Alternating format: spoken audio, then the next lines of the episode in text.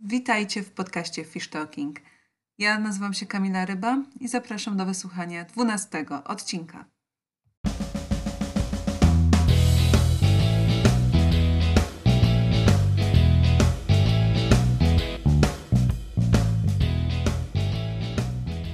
Przyznam się bez bicia, że gdy siadałam do nagrania tego odcinka, y, jeszcze nie miałam pojęcia, o czym będę mówić.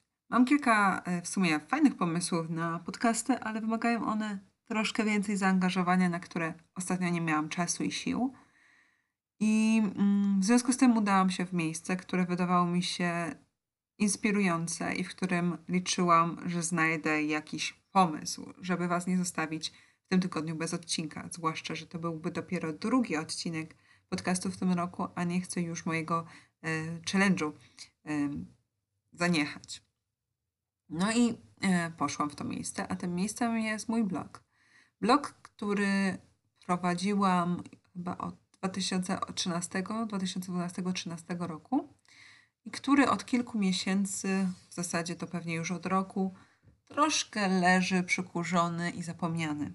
Ale nadal jest tam dużo treści, które, do których lubię wracać i które lubię, których sobie lubię przypominać. No i tak przeglądając tego bloga i typy postów, jakie, jakie pisałam, uświadomiłam sobie, jak mało wy tak naprawdę o mnie wiecie. I dzisiaj chciałabym poruszyć temat, e, który, który jest jakby nieodłączną cząstką mnie, a o której bardzo dużo osób nie wie. I który wydaje mi się, że jest dość ważny do opowiadania, do mówienia, a także do uświadamiania innym, że, mm, że nie zawsze jest tak łatwo, jak by się mogło wydawać. Y, zapewne już po tytule tego e, podcastu wiecie, o czym chcę mówić, a mianowicie o tym, e, że jestem dyslektykiem. Skończyłam studia polonistyczne Skończyłam filologię polską, skończyłam też kulturoznawstwo, skończyłam dwa kierunki studiów. Tak, jestem magistrem w dwóch kierunkach. I mimo właśnie tego, że, że mam udało mi się to. I gdy komuś wspominam właśnie o tym, że jestem dys- ortografikiem, e, dyslektykiem, to wiele osób się bardzo dziwi, że w ogóle wybrałam taki kierunek studiów, jaki wybrałam. Mm, w sumie ja sama sobie y, się sobie dziwiłam. Bo nauka nigdy nie przychodziła mi łatwo. Zawsze miałam z nią jakieś większe lub mniejsze problemy. Powiem szczerze, że sobie nie wyobrażam, jak ja miałabym się uczyć w trybie zdalnym i w ogóle w takim świecie, jak, w jakim my teraz żyjemy. Nie byłam nigdy ani umysłem ściśle ścisłym, ani ściśle humanistycznym. Moim ulubionym przedmiotem była plastyka i w ogóle takie przedmioty kreatywne. I chyba do tej pory właśnie to jest mi najbliższe. Jednak e, zawsze lubiłam wymyślać historię, zawsze lubiłam pisać. No i co z tego, gdy mm, nigdy to się nie przekładało na oceny. Zawsze, gdy musiałam przeczytać jakiś tekst na głos, to byłam przerażona, bo szło mi to stanowczo za wolno, nie potrafiłam złożyć liter, myliłam litery. W ogóle miałam problem z wypowiadaniem tych słów. Nie rozumiałam, dlaczego moje koleżanki nie mają z tym żadnych kłopotów. Unikałam w ogóle czytania na głos jak ognia. Gdy, przychodził, e, gdy przychodziło nam na przykład czytać jakiś tekst, nawet ze sąsiadem z ławki po cichu, zawsze udawałam, że czytam, albo przeskakiwałam tekst wzrokiem, bo wiedziałam, że nie przeczytam go tak szybko jak moja koleżanka. A pisanie tekstów również nie było najprzyjemniejsze, bo chociaż wiedziałam, że ten tekst jest wartościowy i że dobrze myślę, to jakby ortografia wszystko to psułam. Bo chociaż znałam zasady ortograficzne i tak naprawdę wydawało mi się, że wiem wszystko o ortografii, to gdy przyszło do napisania jakichś słów, um, wiedziałam, że, że, nigdy mi to dobrze nie wychodziło. Dyktanda to była masakra jakaś i um, pamiętam jak moi rodzice zaczęli mi nawet wywieszać słowa na lodówce, żebym, gdzie tylko się nie obejrzę, to jakieś trudne słowa mm, z jakimiś trudnościami ortograficznymi gdzieś tam wisiały. I tak naprawdę takim przełomem było to, gdy moja mama właściwie wysłała mnie na badanie do porady pedagogicznej. I tam się okazało, że, że mam dysortografię, że mam dysleksję, bo każdy dysortografik jest też dyslektykiem. I w tym momencie um, jakby dużo łatwiej mi było się uczyć. Bo owszem, miałam taki papierek, który mówił, że mam problemy i że jakby za te problemy nie mogę być oceniana, czyli na przykład um, nie mogę mieć obniżonej oceny za ortografię, pisząc e, na przykład e, wypracowanie. I wbrew pozorom, bo już też takie głosy słyszałam, wielu osób, które uważają, że to jest w ogóle ściema, ale tak naprawdę dzięki temu zaczęłam pisać, zaczęłam być bardziej pewna siebie, e, zaczęłam rozumieć, że to, że mi nie wychodzi, mimo starań, to nie do końca jest moja wina. I wtedy tak naprawdę zaczęłam się lepiej uczyć. Bo to nie jest tak, że dyslektycy to są leniwe dzieciaki, którym rodzice załatwili papierek i dzięki temu mają fory w szkołach. Mm, ani to też nie jest tak, że to są jakieś głupie dzieciaki. Prawda jest taka, że żeby dostać taki papierek, przechodzisz masę testów, które właśnie mają udowodnić, że nie jesteś po prostu leniwy, a, po, a masz jakieś tam zaburzenie. I, I masz też zrobiony na inteligencję, i masz masę innych testów, których naprawdę dziecko nie jest w stanie oszukać. I zaświadczenia dostają tylko te osoby, które naprawdę mają problemy z nauką, i to zaświadczenie po prostu pomaga dziecku się rozwijać. I mm, właśnie w tym momencie zrozumiałam, że wiedza, którą posiadam, i w ogóle, że się warto uczyć tak naprawdę, bo gdy dostajesz cały czas złe oceny, mimo tego, że siedzisz i bardzo dużo się uczysz i jakby znasz wszystkie zasady i całą teorię, to, to jest takie podcinanie skrzydeł. A tak naprawdę to zaświadczenie i w ogóle ta diagnoza tych skrzydeł mi dodały. W momencie, gdy stwierdzono u mnie te zaburzenia, tak naprawdę całe moje życie szkolne się zmieniło po raz pierwszy mogłam się rozwijać. Zrozumiałam, że nie jestem tempa i głupia.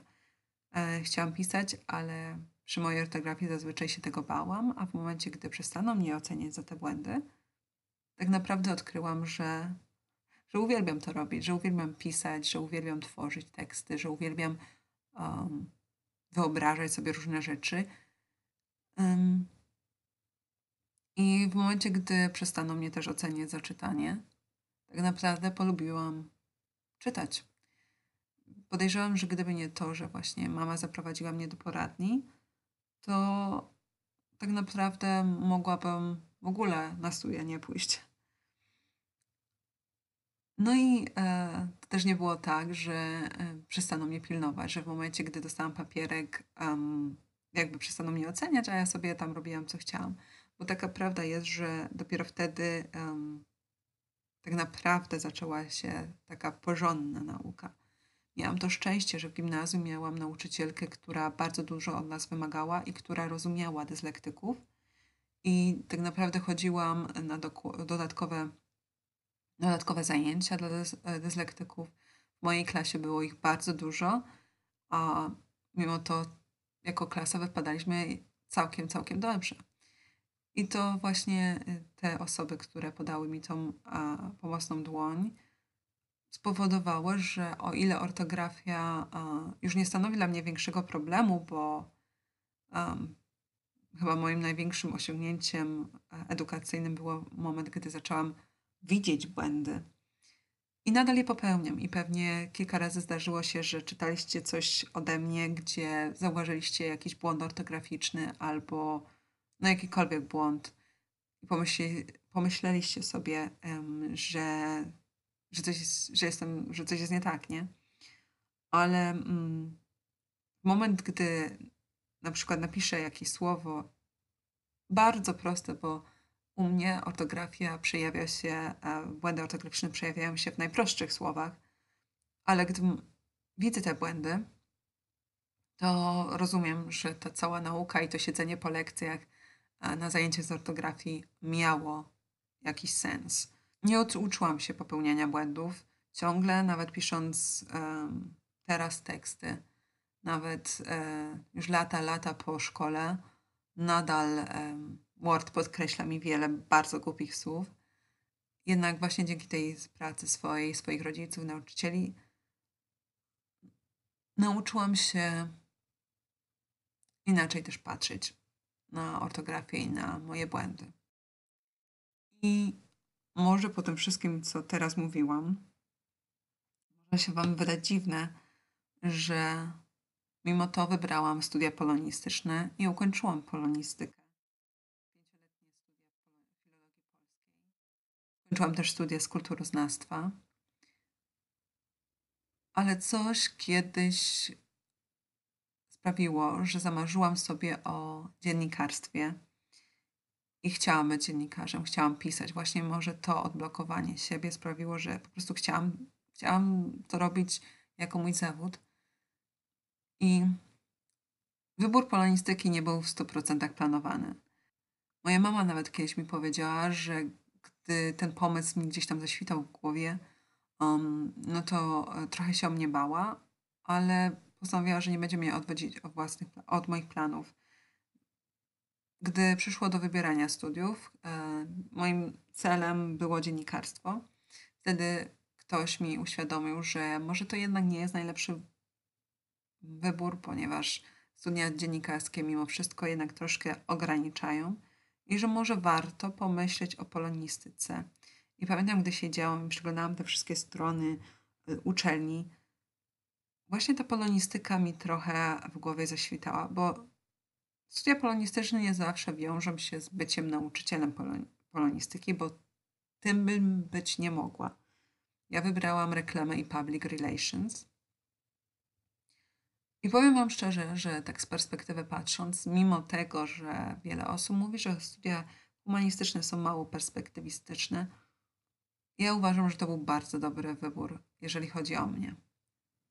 I ten podcast nagrywam trochę dlatego, że być może wśród Was są jakieś osoby, które mm, myślą sobie w tym momencie, że na przykład nauka nie ma sensu, że coś im nie wychodzi, że są głupi, że się do czegoś nie nadają. A ja tak naprawdę sądzę, że jeżeli czegoś bardzo chcesz, to nie ma żadnych przeciwwskazań ku temu. Osoba z dyslekcją, osoba z dysortografią, która w słowie już potrafiła robić dwa błędy, skończyła filologię polską, kierunek, w którym ortografia ma największe znaczenie. I żyjemy teraz w bardzo dziwnych czasach, czasach, w którym studia wyglądają całkiem inaczej niż za moich czasów, e, w którym nauka wygląda całkiem inaczej niż wyglądać powinna, i w których wiem z różnych głosów, że tej nauki macie strasznie dużo i to nie jest łatwe. I takie myśli mogą Wam się pojawiać, ale czasami możecie pomyśleć, że właśnie gdzieś tam jest taki ktoś jak ja, który wbrew przeciwnościom losu dopiął swego. I mimo, że miałam już też takie myśli, że może powinnam wybrać inne kierunki studiów, to wcale tego nie żałuję, że akurat nie tak, um, tak się stało, jak się stało. W, po, w podstawówce nigdy by nie przyszło mi do głowy, że mogłabym a, w ogóle publikować swoje teksty w internecie. A tak dzisiaj przyglądając tego bloga, widząc ile osób też go e, czytało i ile rzeczy tak naprawdę napisałam, myśląc o tym, gdzie ja teraz jestem, pracując w bibliotece, wśród książek, pisząc teksty, jakby zajmując się też kulturalną e, częścią życia naszego miasteczka. Tworząc w ogóle do internetu i nie bojąc się publikować w internecie i w ogóle tak naprawdę nie bałabym się pewnie opublikować nic. Siedząc tutaj i myśląc o tym, że może warto już się w końcu zabrać za napisanie tej swojej książki. W życiu by mi nie przyszło do głowy, że mogłabym być tu, gdzie jestem. I może Wam się to wydać błahostką, ale ta podróż w odchłanie mojego bloga uświadomiła mi, jak daleko zaszłam i jak dużo w moim życiu się zmieniło. Tak naprawdę, jak dużo też zawdzięczam samej sobie. Ten podcast dedykuję wszystkim tym, którzy mieli, mają w życiu jakieś problemy, nawet małe, które jednak tworzą pewną barierę przed spełnianiem marzeń i realizacją planów. Nie warto się poddawać, nie warto przejmować się tym, co myślą inni, um, nie warto się kłócić, trzeba po prostu myśleć o sobie, trzeba samemu walczyć i trzeba ćwiczyć. Udowadniać sobie, stawiać siebie na pierwszym miejscu, szczególnie jeżeli chodzi o Waszą edukację i Wasze życie, bo nikt tak naprawdę nie powinien kierować Waszym życiem. I ponieważ teraz trwa sesja i wiem, że macie bardzo dużo nauki ci, którzy studiują, i ponieważ ferie się kończą, i może tęsknicie już za tą szkołą, i może już tęsknicie za tymi studiami, um, nigdy nie będzie łatwo. I nigdy nie będzie tak, że wszystko będzie się udawało, ale po prostu czasami warto spiąć pośladki, bo później w e, przyszłości z tego skorzystacie. To by było na tyle w dzisiejszym odcinku podcastu. Dziękuję za wysłuchanie i za to, że jesteście. A kolejny, kolejną środę mam nadzieję, że uda mi się przynajmniej przez kilka najbliższych miesięcy te środy wypełniać podcastami. Mam nadzieję, że następny odcinek będzie ciekawszy, bo czasami mam wrażenie, że strasznie Wam przynudzam i nikt tego nie słucha. Ale jeżeli słuchacie, to możecie to robić na Spotify, na YouTubie, na Google Podcast, na Apple Podcast, na Anchor i na jeszcze kilku innych platformach podcastowych. Dziękuję Wam za każdą wysłuchaną, każdą wysłuchaną 那我是什么意思